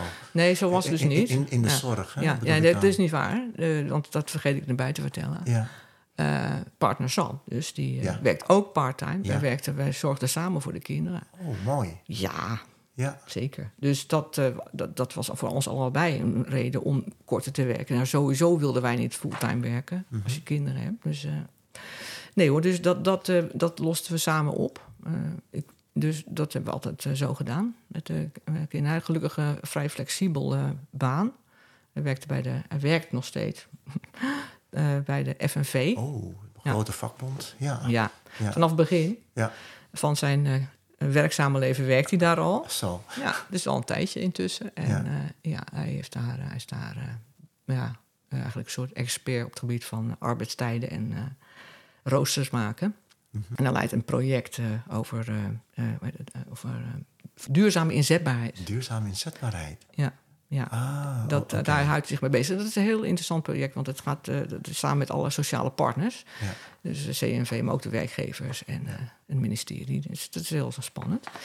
Dus ja, maar goed, nee, het was toch altijd wel mogelijk om flexibel te werken. Terwijl ik altijd wel banen had van 9 tot 2 of 3 of 4, weet Ja. je wel. Dus ik, ik, moest, ik had altijd wel vast- vaste werktijden. Ja, ja. Echt een koningskoppel. ja, Echt ja. heel erg aanvullend Oh, ja. eh, op elkaar. eh, zo komt het bij mij over. Eh, ja, nou, dat gaat nog wel veel verder dan dit. Ja, mag ik dat vragen? Waarom, waarom, ben je, waarom ben je op Sam gevallen? Dat vind ik wel een leuke vraag. Oh ja, nou, oh. Ja. Wat, wat was... Ehm, eh, Waarom? Nou, ten eerste is natuurlijk gewoon... waarop, hè? Eh, waarop? Ja. Eh, nou, ja, is gewoon leuk natuurlijk, dat buiten kijf. Maar eh, ja, wat valt je dan op aan hem? Nou, hij is heel rustig. Hij is, eh, ehm, eh, tenminste, hij, kan heel, hij is over het algemeen heel rustig. Als hij met vrienden is, wordt hij wat luidruchtiger. Maar, Oh. maar hij is heel rustig, hij is bedachtzaam. Hij, hij is een intelligente beschouwer. En ehm, ehm, ja, hij eh, eh, reageert altijd eh, met, met drie zinnen. te- en dan is het dat ook gewoon direct, weet je wel. Dus dat is, ja, zonder al te veel emoties en dingen. En, nou, en Ja, dus ook een, goede vader voor zijn kinderen natuurlijk. Ja. Ah, nou Sam, ja. als je luistert, dat je dat weet, hè? Ja, precies. okay. Ja, dat, ja, ja. Hey Ellen, ja. Uh, drie kinderen inmiddels. Uh, evenwicht gevonden in, in die situatie, maar wel op zoek naar een, een nieuwe, een, een, nieuwe uitdaging. Laat ik het maar op die manier uh, zeg maar uitdrukken. Uh, als ik het verhaal zo beluisteren, kan ik me ook heel goed voorstellen dat je dan toch ergens zoekt, zoekt in die educatie. Op een of andere manier uh, lijkt dat een beetje een rode draad te zijn in wat je vertelt. Ja. Oh, hoe, hoe is dat gegaan? Wanneer diende zeg maar, de, de nieuwe uitdaging zich, uh, zich aan? Ja, na verloop van tijd. een vriendin van mij werkte ook bij de FNV. Ja. En die bij de Vrouwenbond, FNV. En die zei, ah, we hebben een functie op het secretariaat. Nou, het, het vrouwensecretariaat, dat is dus niet een administratief gebeuren, maar dat is dus een, een apart onderdeel van de FNV. En die heeft een, een archivaris nodig of iets. Nou, dat leek me wel een prima startbaan om weer eens erin te komen. was een tijdje uit geweest, dus tussendoor. En um, van die baan uit ging ik doorstromen naar de Vrouwenbond. En die had, daar heb ik een project geleid, een internationaal project over armoedebestrijding in Europa. En daar had ik drie, vier, er waren vier landen bij betrokken. En uh, de NGO's hadden we daar, contacten met NGO's over hoe zij de armoedebestrijding aanpakten. Um, nou, nou, dat is een ontzettend, ontzettend mooi en boeiend project van twee jaar. Uh, is gesubsidieerd door de Europese uh, Unie. En zo. Dus, maar goed, nou, dat, dat, heb ik twee jaar gedaan. Um, toen hield dat dus op. En toen ben ik via een tolk, we hadden daar tolken, want die mensen spreken niet allemaal Engels. Uh, bij, die introduceerde mij ineens van: Oh, ik weet iets leuks bij mij. Want zij werkte op de Hogeschool van Amsterdam als uh, docent Spaans. Zij was dus de tolk Spaans. Ja. En zij uh, zei: Oh, je moet eens met Jos Petit, een bedrijf, ja. ja gaan praten. Want nou, volgens mij kan je daar zo aan de slag. Dus zo gezegd, zo gedaan. Dus uh, nou, dat was een, ontdekt een heel interessant, leuk gesprek. En ik kon direct beginnen als uh, trainer, uh, communicatieve vaardigheden, beroepsvaardigheden, als coach en begeleider van studenten. Dat ging natuurlijk, en dat was dus op de faculteit Business en Economie. Um, en dat waren 17, 18-jarige studenten. MBO, HAVO in die tijd. Dus nou, een heel andere doelgroep weer. Nou, leuk. Ik had er helemaal geen, uh, geen ervaring mee. Maar ja, dat had ik met die andere doelgroep ook in principe niet. Die ik, uh, waar ik het eerder bij werkte. Dus um, dat sloot direct uh, hartstikke goed aan. Ik vond het echt direct leuk. Maar wat vooral erg leuk was, was dat daar zulke fijne collega's waren. Hmm. Die heel erg inspirerend waren, die erg ondersteunend waren. Waar een, hechte, een hechte gezelschap was. En later ging ik werken bij sport, marketing en Johan Cruijff University heette het toen nog. Dat is opgezet door Johan Cruijff als uh, een soort commerciële economieopleiding. Uh, voor studenten die uh, een top, subtopsporters zijn. Daar was hij in het begin zelf ook nog bij betrokken? Ja, ja, ja. Ja, ja. ja, ja, zeker. Op afstand in ieder geval. Hij is het natuurlijk al opgezet, maar is daarna direct natuurlijk naar zijn andere banen. Maar hij kwam wel regelmatig langs. Zo. Um, ja, dat was een hele interessante baan, omdat die, die, uh, die sporters, die, die moesten elke keer trainen. En, uh, en die waren heel vaak weg. Dus hoe krijg je nou binding met die studenten, zodat ze toch uh, kunnen door blijven studeren, ondanks al hun zware kwalificatiewedstrijden, sowieso toernooien? Het was een hele aparte richt, begeleidingsstijl voor nodig. Hoe, hoe deed je dat? Iets heel kort daarover? Weet je, weet Nou ja, het, was, ging eigenlijk alleen maar over dat je probeerde steeds maar contact te houden met studenten. Ook al zaten ze uh, in, in Dubai of zo. Dan ja. hebben ze daar te trainen. Dan had je, belde je ze toch weer even op. Hadden we, uh, gingen we even horen van hoe gaat het. En uh, ja, een beetje echt dat soort subtiele, nou, subtiele manieren om contact te houden. En uh, ook af te spreken dat ze een examen konden doen of tentamen konden doen. Uh, op een ander moment dan de andere studenten die commerciële economie studeerden. Dus het was een hele aparte route. Maar wat daar dus aan opviel, dat waren, mijn collega's waren ook allemaal ex-topsporters geweest. iedereen sportte sowieso nog op hoog niveau, of op, nou, wat dan ook. Um, het was ook een hele hechte club. Het, het was echt een soort family of zo daar. Eh, Dat, en, en, en het leuke was dat daar een aantal mensen werkten. en Onder andere Wim de Wit, die noem ik maar even wat. Ja. was ooit een keeper bij Ajax geweest. En die had ook precies dezelfde humor als mijn ouders. Zo lekker plat Amsterdams, recht voor zijn raap, ad rem. En eh, me- sommige mensen schrokken zich daar heel erg naar van. Maar ik dacht, dit herken ik heel erg. Dat was direct een klik met hem. Want hij zag dat ik daar minder van schrok. En dat ik daar wel eh, iets tegenin kon brengen ook nog. Ik, nou, dat was ontzettend leuk. Maar goed, dat, dat was een heel hechte eh, eh, club. En dat was wel weer heel fijn te merken. Want toen kreeg ik... eh, borst, borstkanker. Dus toen was ik er wel weer eventjes mee bezig. Gelukkig was het niet uitgezaaid, maar ik was wel een tijd eh, eh, met behandelingen bezig. En werkte gewoon nog door, trouwens. En dat, kon, dat, dat vond ik toen ook prettig, want ik had er heel veel houvast aan aan het werk. Om eh, ja, je gedachten gewoon eens even op totaal andere koers te zetten. Want ja, blijf je misschien een beetje zorgen maken. Maar dat, dat deed ik toen niet. Dus ik had heel veel aan, aan mijn collega's en dat ik gewoon kon doorwerken. Weliswaar een beetje minder, maar eh, ik, ik kon nog gewoon doorwerken, ja. ja. Had, had het te maken met de diagnose eh, dat eh, het gelukkig ja. niet was uitgezaaid, Ja, dat je nou ja. herpakte? en- ja. Nou ja, dat maakt alles uit, inderdaad, zeker. Ja, dat, dat maakt veel uit, zeker, ja. ja. Maar goed, dus dat hadden we weer gedaan. En nou, oké. En ehm, eh, ja, goed. Ja. Eh, je, je zit in een, in een dynamische wereld waar, waar eh, alles, eh, zeg maar, waar heel veel gebeurt. Ja. Heb, heb je ook bepaalde dingen waardoor je jezelf oppept of inspireert of eh hou vast aan hebt? Bijvoorbeeld rituelen. Heb jij rituelen? Bepaalde rituelen die echt van Ellen zijn en die je gewoon even moet doen om dan weer een volgende stap te maken? Nee, ik, ik zou, dat weet ik niet Dat- eigenlijk. dat weet je niet. Nee, Niet nee, van, rituelen, nee. Maar wel eh, wat me natuurlijk enorm eh oppept is... als je voor een klas staat en je moet Ja. daar iets gaan doen met die, leer, met die studenten... Ja. en dan moet je je ontzettend eh, oppeppen. En ik heb enig theatraal talent... eh, waardoor ik wel de boel een beetje aan de gang krijg. Ik maak heel makkelijk contact, maar je moet ook wel gewoon wat voor elkaar krijgen... dat ze echt in de leerstand komen te staan natuurlijk. Ja. Dus eh, ja, dat wel. Ik, als ik voor de klas sta, dan ben ik wel een ander iemand dan dat ik hier op de bank zit. Kan, je, Eh, kan, je iets, eh, kan je iets zeggen over dat the- theatrale talent? Wat, wat doe je dan? Nou, ja. Dat is toch een bepaald ritueel, toch? Eh, ja, je zet je theatertalent in. Het is een manier van doen eh, om soms eh, wat lastige dingen ehm, eh, eh, eigenlijk bespre- bespreekbaar te maken, maar er geen punt van te maken. Want dat, dat is mijn, dat, zo gebruik ik mijn humor of mijn grappigheid soms ook. door, ik kan je bijvoorbeeld gaan ergeren aan dingen die in de klas gebeuren. Maar je kan ook het in- vergroten, hun gedrag vergroten. Of er, ja, vooral dat. En er eh, heel grappig over te doen. En dan zien zij ineens, oh ja, dat is wel, wel heel eh, stom. Of, of ja, dat, eh, en dan is het een grap en iedereen grinnikt. En dan gaan we weer verder. En dat, dat is iets wat, je, wat ik thuis niet doe. Als ik me thuis al erger aan dat kinderen de tassen in de gang hebben... dan loop ik direct van, hé hey, joh, ruim die tas op. Het ligt hier in de gang en weet ik wat. Maar dat deed ik in de klas natuurlijk niet. Want als je zo gaat beginnen, dan kan je wel... nou, dat is ook helemaal geen manier van werken.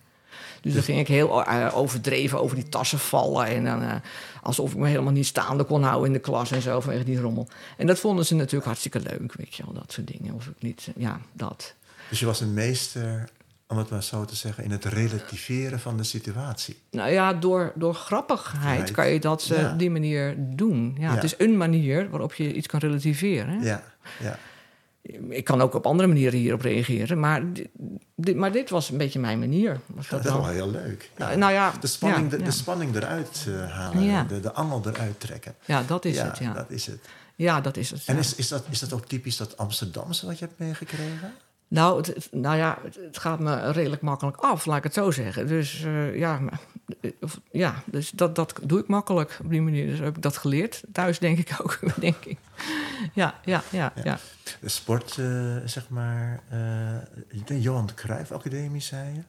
Eh, Ja. Was dat de enige opleiding die je binnen de Hogeschool van Amsterdam eh hebt bezocht, om het maar zo te zeggen? Ah. Of heb je, ben je ook nog een andere Ja. opleiding geweest? Ja, nou ja, Johan Cruijff University en sportmarketing eh, is eigenlijk dezelfde opleiding als commerciële economie. Oh, Dus je kunt ook op andere, Ja. eh, bij commerciële economie studenten worden ingezet. Dus niet alleen maar dat je daarbij bent. Dus op een gegeven moment was ik vooral ingezet bij marketing en sales, heette dan weer zoiets. Dus toen was ik weer weg van die sportmarketing, ja. Nou, Want, want Ja. de, drie, je hebt me verteld dat je 23 jaar zo ongeveer, eh, zeg maar, ja. Bij de Hogeschool van Amsterdam dat, gezeten. eh, en daar, Mhm, zeg maar, met de opleidingen mhm, bezig bent geweest. mhm. Eh, wat, was je laatste, wat was je laatste ervaring? Want ja, goed, je, je groeit natuurlijk heel langzaam naar je pensioen toe. Hè? En dan kom je ergens terecht. Kan, kan je daar nog iets over Mm, zeggen? Nou ja, daarvoor, ehm, voor die tijd, ehm, ehm, eh, heb ik nog een master gedaan. Ja. Eh, op, ja, de HVA bood een master aan voor eh, HBO-docenten die onderzoeker ook wilden worden. En die heb ik ook gedaan. En dat was ontzettend eh, mooi en leuk dat we dat aanbod kregen. Want ehm, eh, dat was dus met een aantal collega's van mij en ook collega's uit HBO. En dat was aan de Universiteit van Maastricht en de Universiteit eh, Amsterdam samen werd dat aangeboden. Het was dus ook in Amsterdam. Het was heel makkelijk. Het werd ons heel erg makkelijk gemaakt op, op die manier om een master te volgen. Want dat Ja. is natuurlijk wel een ding als je werkt en je hebt kinderen en zo, dat je ook nog eens een masteropleiding gaat doen. Dus dat werd op die manier gelukkig wat vergemakkelijk. Maar goed, het heeft me toch wel twee jaar bloed, zweet en tranen gekost eh, om dat eh, voor elkaar te krijgen. Want het was wel, eh, ja, ik, ik leerde wel makkelijk, maar als je 55 bent, is dat toch even wat, eh, wat moeilijker. Ver- Vertel eens, wat, wat, waar liep je tegenaan? Gewoon even heel kort. Hè? Wat, wat, eh, Ja, het duurde gewoon toch ook langer dat ik dingen begreep. En dat ik, het is wat iets moeilijker om dingen zomaar direct te onthouden. Dat, dat, die ervaring had ik vroeger niet. Als ik een ding een keer zag of las, dan wist ik het wel. Maar nu dacht oh, wat was het nou ook alweer? En ja, dat. Dus dat had ik mijn 55 ook wel. En, ja, nou ja, goed. Ehm, eh, uiteindelijk eh, heeft het me heel veel gegeven. Die hele opleiding. Want ja, ik, ik, na de, er was wel eens een update nodig. Na 27 jaar geleden of zo was het dat ik mijn eigen opleiding eh, afronde. Op gebied van onderzoek. Dus er was ook wel heel wat veranderd. Ik heb ook een heel, heel interessant onderzoek daar leren doen. Dus dat heb ik ook heel veel aan gehad na die tijd. We gingen ook trouwens in die master gingen we, moesten we ons onderzoek presenteren in, eh, op de Columbia University in, eh, in New York. Nou ja, weet je, dat zijn toch echt wel hoogtepunten in, eh, in je leven. Echt in, letterlijk in je leven, maar zeker in je werkzame leven. Want dat was echt, echt geweldig natuurlijk, dat we dat mochten daar doen daar. En nou, dat is heel mooi. Dus met die ervaring ben ik daarna meer de onderzoekskant op gegaan.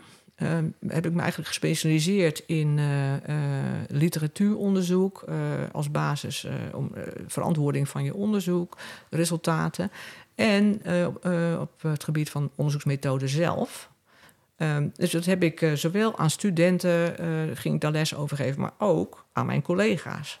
Want ja, die waren vaak ook helemaal niet bekend met, eh, met dit onderwerp. Dus ik was heel veel intervisieachtig, maar ook gewoon echt wel eh, lesgeven aan, eh, aan collega's om dit met elkaar op te zetten. Want in de tijd werd duidelijk dat we dat HBO-studenten ook praktijkgericht moesten leren onderzoeken. En een praktijkgericht onderzoek heeft heel veel overeenkomsten met een niet-praktijkgericht onderzoek. Dus die stappen die ze daarin zetten, die eh, zijn wel vergelijkbaar met, met een wetenschappelijk onderzoek. Dat, dat, maar het heeft alleen een ander doel. Wat mooi om te horen, want dan, dan zit je toch ook weer in een transformatie Ja. van, eh, zeg maar, gewoon leren als, als hogeschoolinstelling. Ik zeg het misschien niet goed. Naar eh, kennis vergaren en, en kennis gebruiken via praktijkgericht onderzoek. Ja. Dus dan ben je weer onderdeel van een transformatie, zoals je in het begin van de studie ook was. Ja. En een actieve rol gespeeld. Ja, zeker. Want hier liep Ja. ik al veel eerder tegenaan. Tegen het gebrek aan onderzoeksvaardigheden van studenten. Ja. Ja, ja ze, ze doen maar wat. En ze kijken wel hoe het strandt. eh, hoe het, waar het schip strandt. Hè. Het is, ze zijn heel weinig eh, eh, onderzoeksmatig ingesteld. Maar ik hoor je ook zeggen dat het eh, ook een hele mooie manier was om jouw collega's Ja. verder te helpen in die, eh, Ja, dat was zeker mooi, maar het was ook zeer noodzakelijk. Want dit Ja. moet je met elkaar doen natuurlijk. Ja. Hè? En dat Ja. moet je met elkaar dragen en uitdragen, want anders eh, ben je ongeloofwaardig. Ja. Eh, nou, sterker nog, dit, dit werd gewoon eh, helemaal geïntegreerd in het hele afstudeerproject, deze manier van doen. Maar zelfs ook in, gewoon in de projecten die ze in lagere jaren moesten doen. Moesten ze ook eerst een stappenplan maken. Moesten ze ook nadenken over welke literatuur ze daarbij gingen gebruiken. Moesten ze ook over onderzoeksmethoden nadenken. Dus ze gingen eigenlijk al later, ook vanaf jaar één al, in die flow mee om om ja, van A naar B te gaan redeneren en onderbouwing eh, te zoeken voor je, voor je, voor je, ja, je bevindingen in feite. Heel mooi om te horen. En, en daar ben jij een belangrijke schakel in geweest om dat zeg maar gefaseerd ook op Ja. te bouwen. Zeker, dat wel zeker wel. Ja, ja, ja. Maar ik ben ook heel blij dat het uiteindelijk ook gelukt is om eh, ja, een degelijke, wat in mijn ogen een degelijke eh, Ja. manier is van eh, praktijkonderzoek doen. Ja. Dus da- dat is, ja, dat is ontzettend, vond ik heel erg, ja, heel erg fijn. Heel, ja. En, en dat is de, zeg maar, het laatste wat je gedaan hebt in, de, Ja. zeg maar, in je werkzame leven? Of zijn daar nog andere elementen aan toegevoegd die je zo kunt benoemen? Mm, Misschien leuk om daar nog even op in te Ja, gaan. nee, ik heb het vooral eh, de, de laatste twee jaar voordat ik wilde stoppen. Ja. ehm, ja, er was ook nog weer zoiets. Waarom ging ik stoppen? Ehm, Ja, waarom ging je ja, stoppen? nou ja, nou ja, waarom Want ging ik je, bent, ja. je bent eerder gestopt dan, dan Ja, eh, normaal, ja, hè? Toch? Ja, ja. Ja, Ja. niet zo ver, niet zo lang, Niet maar, zo lang, nee. maar wel iets eerder. Ja, ik, ik besprak dat met mijn baas, omdat ik voor de tweede keer kanker kreeg. In dit geval Ja. huidkanker, die wel uitgezaaid was naar klieren. Ja. Waardoor ik een echt wel een eh, langere eh, eh, ja, behandeling eh had. Plus het feit dat ik na die behandeling eh, eh, in- ja, psychisch gewoon even wel helemaal van de kaart was. Want Mhm. eh, ja, ik had echt zoiets van. eh, pff, wat gebeurt hier nou allemaal met mijn leven? Dat dat, dat maar zomaar heel anders af kunnen lopen. Want gelukkig liep dat, tenminste tot nu toe, loopt het goed af met die huidkanker. Maar het is nog, nog minder dan vijf jaar geleden. Dus ik moet een Ja. slag om mijn arm houden. Maar laten we zeggen dat dat. eh, eh, goed afgelopen is. Eh, maar het, ik realiseerde me wel dat ik op een randje had gelopen. En dat had ik natuurlijk al eerder ook al een beetje het gevoel gehad dat het behoorlijk mis was. Maar nu was het bij mij wel een punt van: oh, nou moet ik nog eens even nadenken.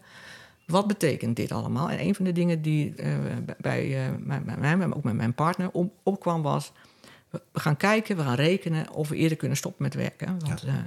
want ja, we willen toch nog wel een tijdje lang samen eh, gezond en wel doorbrengen. Dus dat was eigenlijk de reden waarom ik eh, korter wilde gaan werken.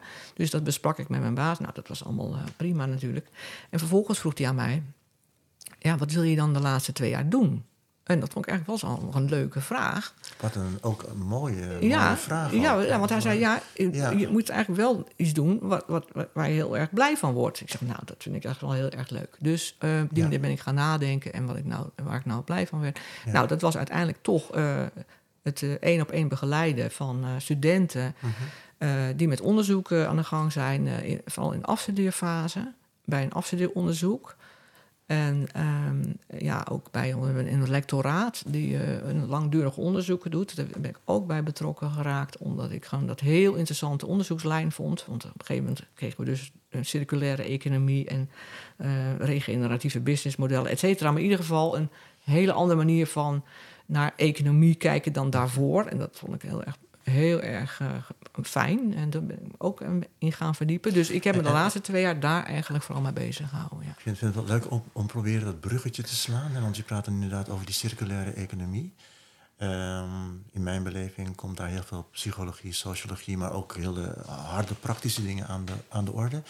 Eh, was het weer die aansluiting met je voormalige studie dat je, dat, eh, dat je, dat je daardoor geïnspireerd raakte? Of, Mm, nee, nou eigenlijk eh, alleen op het front van ehm, eh, duurzame samenleving. Ik bedoel, het gaat natuurlijk eh, nu voortdurend over verduurzamen en, Ja. en duurzaamheid. En, en dat is natuurlijk dus een maatschappelijk thema wat iedereen, maar mij natuurlijk ook aanspreekt. En dit, deze manier van ja, eh, eh, businessbedrijf eigenlijk, want het blijft gewoon geld verdienen. eh, dat, dat, dat beter nadenken over op welke manieren kun je geld verdienen zonder dat je daarmee onze eh, planeet eh, uit eh, eh, woont, zeg maar letterlijk. ja. Eh, Ja, dus en dat, ik zei al, dat is in eerste instantie circulaire economie geweest, waarin je in feite eh, een beetje kiet draait, dat je niet te veel schade aanricht. En later werd het zelfs naar de regeneratieve, regeneratieve businessmodellen getrokken, waarin eh, business moet, ehm, eh, zaken doen eh, ook iets moet gaan opleveren, teruggeven aan eh, de omgeving, of aan de natuur, of aan de omgeving, de stad. Eh, om het goed, ja, min of meer goed te maken wat je, hebt- wat je hebt gebruikt aan, aan hulpmiddelen. Ja, duidelijk. Iets Ja. teruggeven. En er Ja. waren echt hele mooie voorbeelden van. Dus daar, nou, dat genoot ik echt heel van. Van heel veel initiatieven die dat. eh. En daar toch geld aan te verdienen. En dat, dat is natuurlijk een, hele mooie Dat is uitdaging. uitdaging. Ja. Ja, ja. Ja. Hey, eh, huidkanker eh, met een zekere eh, mate van onzekerheid die, Ja. die, die je daar ervaart. Je spreekt met je partner daarover. Ik bedoel, het is nu een gegeven, maar je parkeert het ergens en je probeert van daaruit toch nog het beste te maken. Zoals, je, zoals ik je nu inmiddels al ken. Hè? Gewoon heel voortvarend. Ja. Eh, heb, je, heb, je, heb je daar een beeld bij om nog even dat gevoelige onderwerp eh, aan te raken? Ja, maar ik, ik, ehm, ja, we weten natuurlijk allemaal dat hoe ouder je wordt, hoe grotere kans je hebt om iets te krijgen, whatever. Eh, in mijn geval misschien iets meer, maar dat is maar helemaal de vraag, volgens mij niet. Maar dan nog, je hebt iets meegemaakt waardoor je er eerder aan denkt, of dat wel. Als je nu een pijntje hebt, denk je, oeh, eh, help, wat is dit? Terwijl ik dat vroeger iets minder had, maar goed, nu wel. Eh, nou ja, nee, ik denk, ik denk niet zozeer aan, eh, aan de gebrekkigheid die we in de toekomst gaan krijgen, maar we, we weten het wel. Ik bedoel, het is natuurlijk gewoon aan de orde. En je hebt al bijvoorbeeld een beetje last van je knie, dat soort dingen die je vroeger ook niet had. Dus het belemmert je nu al een beetje in lopen. En nou ja, goed, die dingen. Nee, maar een reden te meer om er op tijd mee te stoppen. En dingen te doen die je heel fijn vindt. Bijvoorbeeld ook met je kleinkinderen dingen doen. En ja, dat, dat is natuurlijk sowieso heel geweldig. Want die kleinkinderen hebben me behoorlijk geholpen. In, eh, toen ik met die huidkanker eh, zat, in dat proces van... eh, nou, toen was ik echt wel, eh, zei ik al, dat was niet zo goed met mij. En dan was het heel fijn dat ik naar ze toe kon gaan. Dat was zo echt heerlijk, eh, totaal andere wereld waar zij mee bezig zijn. Ze, zij zijn bezig met, ze zijn klein, dus eh, ze zien alles op de grond. Miertjes, spiertjes, Ja. bloemetjes, st- steentjes. ehm, waardoor ik ook weer leerde van, ah, maar hier gaat het dus om. Hier word ik, blij, werd ik zo blij van dat, dat zij mij lieten zien waar, waar, wat voor moois er allemaal op de grond lag. Of om ons heen was. Dat, zag ik, dat heb ik eigenlijk door hen ook weer leren zien. Wat mooi, wat mooi. Ja. Je herontdekte de wereld, in feite. Ja, je, je, De fo- waarde. je, je focus weer op van, kijk, hier gaat, ja, dit is ook, hier is mooi. Daar Ja. ben je aan voorbij gelopen, maar dit is dus heel erg mooi. En we hebben een eh, vakantiehuisje in de buurt gekocht van die kleinkinderen. Ja. In de bossen. eh, dus het is sowieso een prachtige natuuromgeving. Dus ja, dat, dat vind ik dus ook heel fijn. Dat ik gewoon nu zo geniet van die vogels daar en, en, eh, en, de, en de bomen. En, eh, dus dat, dat, dat, Ja. dat eh, is iets wat ik heel veel meer me nu realiseer dan, dan een paar jaar terug of zo. Dat dit zo belangrijk is. Hè? Ja. Ja. Ja. Ja. Ja. ja, dank je. Ehm, afscheid. Twee jaar lang die dingen mogen doen die je graag wilde doen, dankzij Mhm. jouw leidinggevende. Mhm. Fijn trouwens, heel fijn.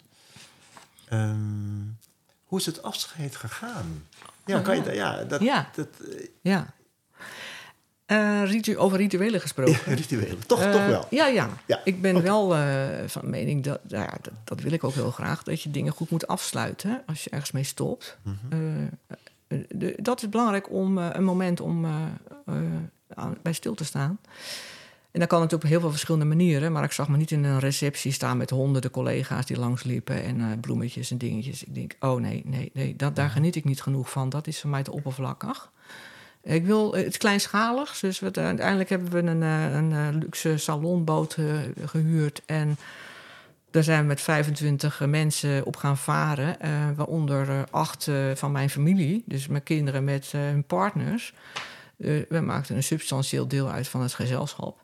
Um, dat, dat vond ik trouwens belangrijk, dat de kinderen daarbij waren. Uh, omdat ik dacht, ja, ze moeten ook meemaken dat dit voor mij een heel belangrijk moment is in mijn leven. En ze hoeven echt niet te weten wat ik allemaal gedaan heb. Dan maakt het allemaal niet uit. Maar wel dat het een markering is gewoon van in je leven. Je begint met werken en je stopt met werken. En, en dat is heel belangrijk om daar goed bij stil te staan. Dus dat hebben we gedaan. Nou, het was, ik had een accordeonist ingehuurd, uh, geweldig. En die, uh, die, ja, die begon te spelen van begin af aan. Ik had ook inderdaad een wens om niet te veel te praten. Houd, ja, er moet natuurlijk altijd even een praatje gehouden worden. Maar ik heb gevraagd om dat even wat korter te doen. Ik heb zelf wat dingen gezegd.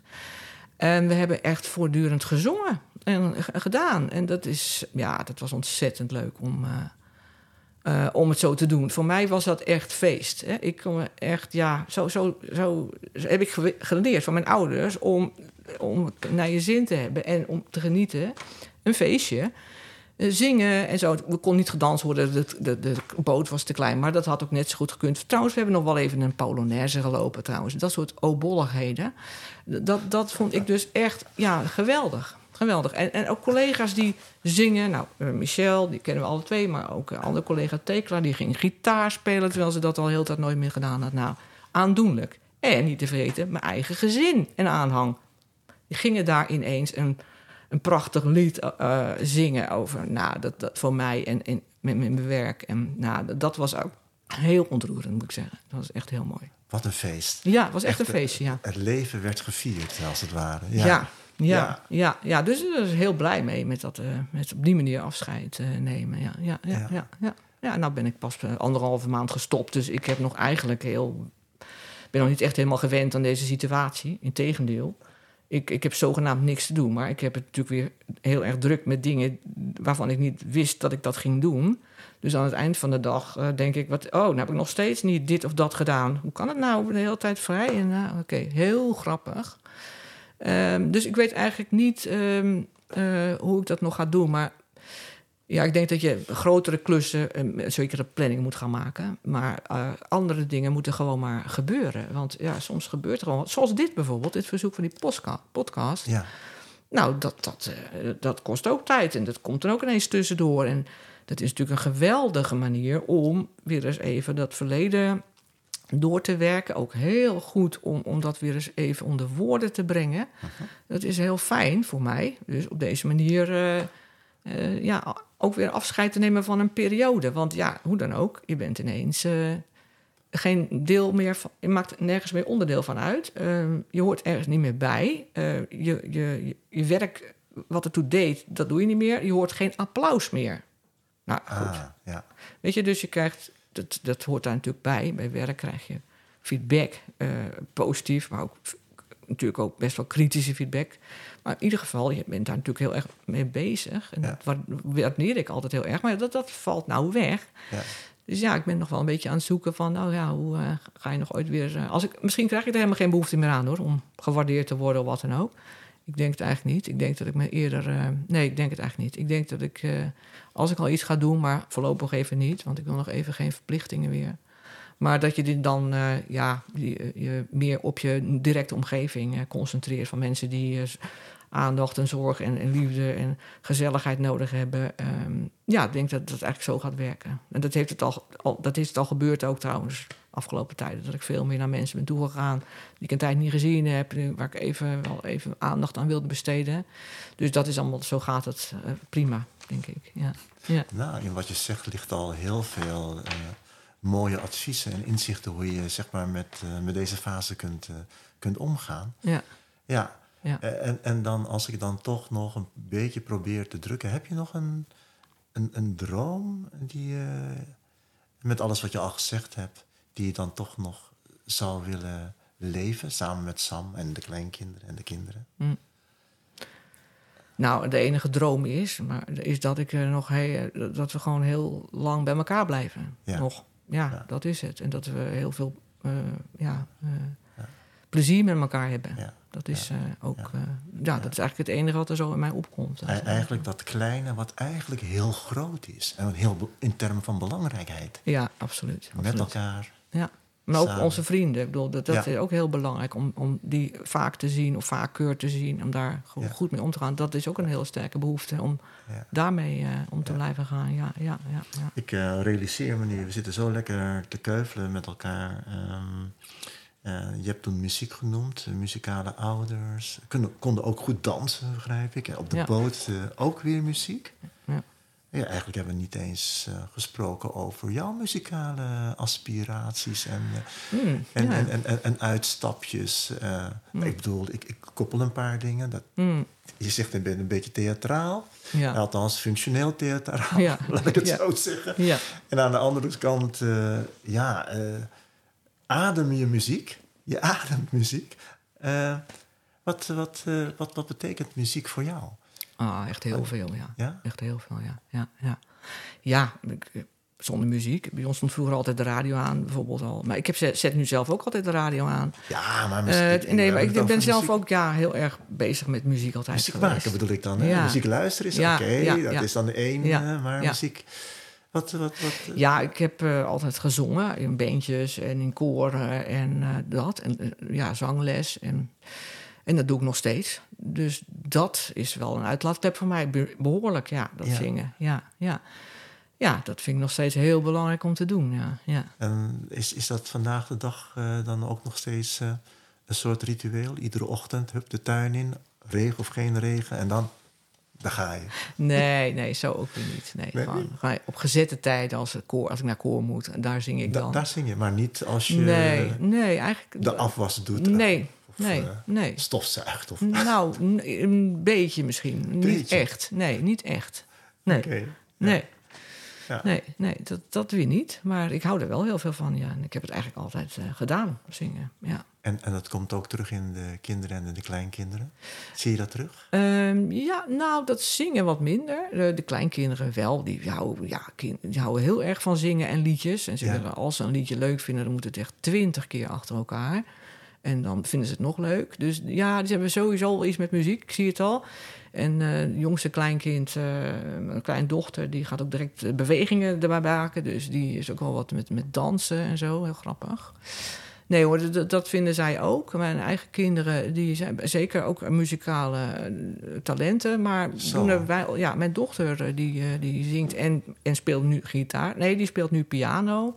Leert piano spelen en zingt er ook bij soms. Nou, dat is ook hartstikke leuk. Eh, die jongens hebben ook wel eh, talenten, maar doen ze weinig mee eh, op dit moment. Maar die, ja, ik denk wel, dat zit wel in hun systeem. Zit wel in het systeem. Dat wel, ja. Ja, dus de, ja, ik, ik- Ja. ik- ik- in mijn fantasie zie ik al een aankondiging van de Winter Band. Eh, nou, dat Ga, weet ga, ik. ga, Ja. ga je dat nog eh, v- een keer voor elkaar krijgen? Nou ja. al, al die kinderen en kleinkinderen bij elkaar en dan... Ja, eh, nou wellicht in de toekomst. Maar tot nu toe hebben we bij elk, als er een, een feestje is of een, echt een mijlpaal te vieren is, Ja. dan treden wij altijd op. Echt? Ja, natuurlijk. Dat, Wow. dat hoort erbij. Ja. Een liedje, een liedje, hè? Een liedje. Een liedje. Eén liedje. Ja, één liedje moet wel leuk blijven. Dus eh, Ja. één liedje met een aangepaste tekst natuurlijk, op een melodie waar natuurlijk iets mee is met, dat, met degene die het ontvangt. Ja. Eh, dus dat, ja, dat, dat gebeurt bij ons altijd wel. Ja, daar ben ik altijd ook wel voor. En dat krijg ik ook terug, want eh, dat doen ze dus ook op mijn verjaardagen. Eh, staan ze ook op een camping op te treden met een, met een boomtak in hun armen als gitaar. En dat is ontzettend grappig. Wat leuk. En eh, nou ja, goed, op die boot is ook weer. Dat gaan ze ook weer doen. En ze- de- ja, dat, dat, dat zit een beetje in het systeem nou intussen inmiddels. Weer even terug naar de boot. Ja. Eh, was dat een bepaald repertoire? Ja, Amsterdamse repertoire. Amsterdamse? Ja, ja. Nou ja, kijk, Ja, je ja, stop, ik, stop, ik, ik stop met werken eh, in Amsterdam. Ik Ja. heb daar natuurlijk altijd gewoond. Ik woon daar niet meer. Ik stop nu weg. Ik word nu... Ik, ja, het is ook een beetje een klein soort afscheid van eh, regelmatig in Amsterdam zijn. Ja. Ja, nou, dat is wel gek. Nu kom ik daar alleen terug eh, als toerist. Nou ja, eh, die stad blijft wel bestaan hoor. Maar het is meer dat ik dacht... eh, oh ja, het is eigenlijk wel heel leuk om, om, om dat repertoire te doen. Plus dat mijn vader en moeder dat natuurlijk ook allemaal leuke liedjes vonden. Dus ik dacht direct, dit, dit wil ik zo doen. Amsterdams repertoire en lekker meezingen. En ja, en, eh, en Amsterdamse mensen zoals eh, Zonneveld of Arian of zo, weet je Oh, wel. mooi, mooi. Die nu, en Shaffi is natuurlijk ook Shaffi, ja.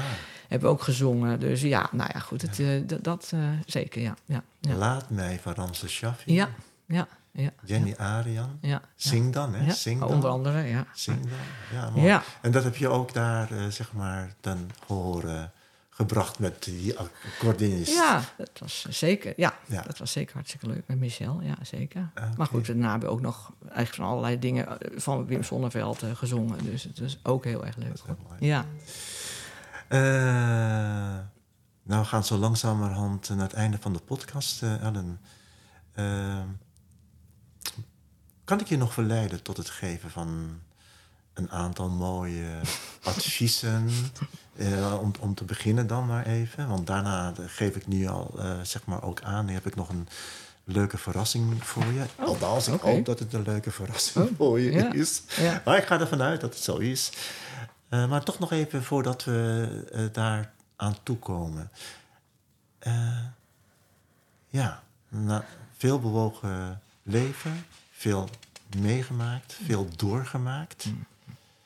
Eh, interessante periodes, eh, eh, zeg maar, mm, zeker. doorgemaakt. Ja. Al met al, voor al die mensen die nu naar deze podcast luisteren en ehm, misschien ook wel hopen op een inzichtje of een adviesje of whatever, maakt niet uit, of een kwinkslag. Wat, wat zou jij hen nog willen meegeven? Ja, nou. Ja, ehm, nou ja, ik heb ook altijd wel eh, geprobeerd eh, werk te doen, eh, taken te krijgen die ik zou graag wil. Hè, ook. wil. Je krijgt soms taken toebedeeld natuurlijk, omdat het een keer je vak is. Maar ik wilde ook altijd wel andere dingen die ik voorbij zag komen of zo. En dan dacht ik, oeh, daar wil ik naartoe. Hoe kom ik daar naartoe? Welke collega's zitten daar? Oh, dan moet ik daar eens mee praten. Dus netwerken om eh, wat meer over dat vak of, of die activiteit te horen. En als ik dan dacht, oeh, maar dat vind ik wel heel leuk, dan ging ik naar mijn baas. En dan eh, ging ik zeggen, nou, ik wil dat graag doen. En ik probeerde ook altijd wel aan te geven wat, eh, wat de, de, de, meerwaarde was voor de opleiding of voor de uitdaging waar de studierichting voor staat. Dus dat is altijd wel handig als je die link kan maken van ik wil graag die kant op, maar dat komt goed uit, want er is die ontwikkeling aan de gang en daar kan het mooi mee aansluiten. Dan, dan is het vaak wel makkelijker om dingen voor elkaar te krijgen. Eh, dus dat netwerken en, en eh, altijd je oren open houden en kijken van nou, waar je naartoe wil. En dat initiatief ook eh, daartoe steeds zelf nemen. Niet wachten dat het naar je toe komt. Dus ik was altijd wel daarin, zeg maar, proactief om te zorgen dat ik het naar mijn zin had. Altijd uitdagingen blijven zoeken. Eh, en nieuwigheid leren. Eh, ja, dat is, zit, zit in mij. Maar dat, dat, dat zou ik ook iedereen adviseren. Van, eh, ja, je moet gewoon op een of andere manier proberen om heel fijn te blijven werken. Ook al werk je al intussen zo lang. Dus je moet het wel leuk voor jezelf houden. Ja. Dus dat. Nou, dat is ook weer een valkuil. Dat zegt mijn partner ook altijd van... het, eh, het nieuwe is altijd, eh, ik veel, het, het uitdagen is ook weer een vijand van het goede. Weet je wel, van nou, doe nou maar gewoon, eh, nou gewoon, wees tevreden met wat je doet, zegt hij ook altijd. Je kan al dingen heel goed, of hij kan, geniet daarvan. Ja, dat is ook een, een aardig advies natuurlijk. Maar ik heb ook zelf altijd wel de neiging gehad om mezelf steeds maar weer iets nieuws te leren of zo. Ja. Een beetje onrustig ook weer natuurlijk. Maar het is ook wel een manier voor mij om eh, bij de les te blijven. Ja. letterlijk. ja, om scherp te blijven. Ja, ja. Maar ik hoor je ook zeggen tevredenheid en in zekere zin ook dankbaarheid. Ja, ja, eh. zeker. Nou ja, absoluut. Ja, ja, dat is ook zo, ja. Ik, was, ik had er vroeger een hekel aan als mijn moeder zei... kind, wees dankbaar met wat je hebt. Mhm. Vond ik altijd zo'n eh, dooddoener. Maar nu, ja, je wordt ouder en misschien ook wel iets wijzer... wordt dankbaarheid wel echt wel iets wat, nou ja... van mij ook wel ineens betekenis gaat krijgen. Ik bedoel, ik ben er ontzettend dankbaar voor... want zo voel ik dat echt, van, van mijn jeugd... van wat mijn ouders me hebben meegegeven... dat ik zo'n lieve broer en zo'n lieve zus heb... Eh, maar dat ik ook zo'n een, een, ja, goede partner vind, een lieve man. En, en dan nog die kinderen, hele fijne kinderen heb. En, en allemaal goed terechtgekomen, zal ik maar zeggen. En ook nog eh, een stel kleinkinderen. En natuurlijk een heleboel vrienden. Nou, ja, dat zijn toch dingen waar je ontzettend blij van wordt. En ook dankbaar voor bent. Want dat, heeft ook niet, dat krijg je ook niet zomaar of zo. Dat is ook eh, een, een zekere mate van geluk, absoluut. Absoluut. En daar, daar, daar doe je niks aan. Dat, dat komt je naar je toe rollen, Ja. hè, dat je dit hebt. En voor een deel kan je wel iets beïnvloeden, maar het leven is bepaald niet maakbaar. En eh, dat is ook wel een ding van deze tijd. Dat je het altijd maar eh, beter moet en hoger en zo. Dat, dat, maar daar word je soms ook heel ontevreden van. Dus het, eh, dat, dat is inderdaad wat we net al, net al besproken. Hè? Van, eh, dat altijd maar meer en Meer, hoger ja. en dingen. Dat Ja. zit een beetje in mij. Maar dat heeft ook een valkuil dat je eigenlijk nooit echt tevreden bent met wat je hebt. Ja. Nou, dat is eh, mijn uitdaging ook. Maar het heeft twee kanten dus, zeg maar. Je bent aan het landen, als het ware, Ja, naar datgene wat je echt ja, belangrijk ja, vindt. ja meer. Ja, dat Ja. is wel weer mooi van Ja. onze leeftijd, zeg maar. Ja. Jij zit ook een beetje in die leeftijd. Ja. Dat je dat wel meer hebt. Van, zeker. ja, ja, dat is dan old and wise waarschijnlijk. Old and Wise, dankjewel Ellen. Maar dat gaan we niet zingen nu, eh, Old and Wise, of niet Oh, horen. Old and Wise. Ah, Eh, de verrassing. Oh. Eh, jouw eh, collega Michel, die heeft een verrassing voor jou in petto. oh. En eh, ja, doe maar net alsof je op die Amsterdamse boot bent met die accordeonist. dus ik zeg, eh, eh, ga helemaal los. Oh, wauw. Eh, je moet er wel even de gelegenheid geven om eh, een en ander in te regelen. Oké. Ja, En dan, wat leuk. Wat ontzettend leuk. Oké. Ja. Zing, Zing dan, al zit je alles tegen. Zing dan een lied. Zing dan bij winterstorm of regen. Of bij verdriet.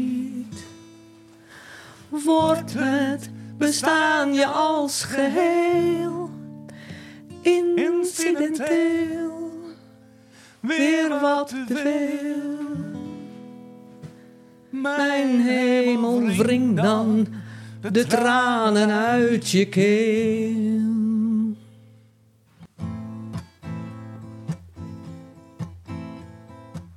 Zie je nergens meer een beetje zon of zin?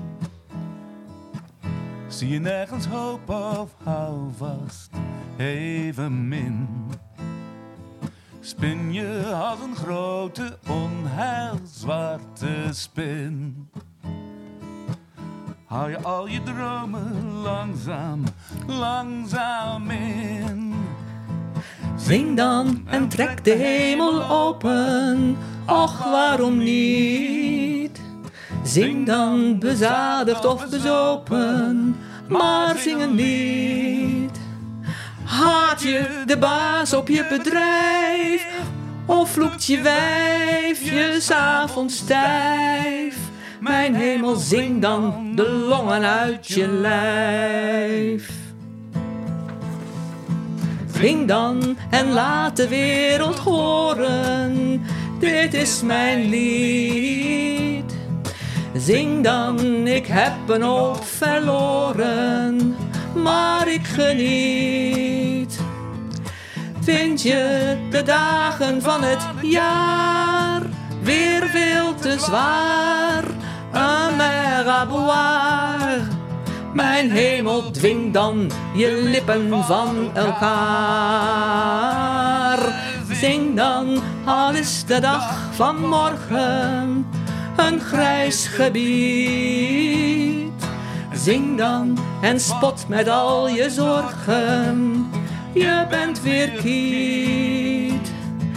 Zing dan, je wolken gaan opzij, je razernij is weer voorbij. Mijn hemel, zing dan en zing vooral voor mij. Zing dan, je wolken gaan opzij, je razernij is weer voorbij. Mijn hemel, zing dan en zing vooral voor mij.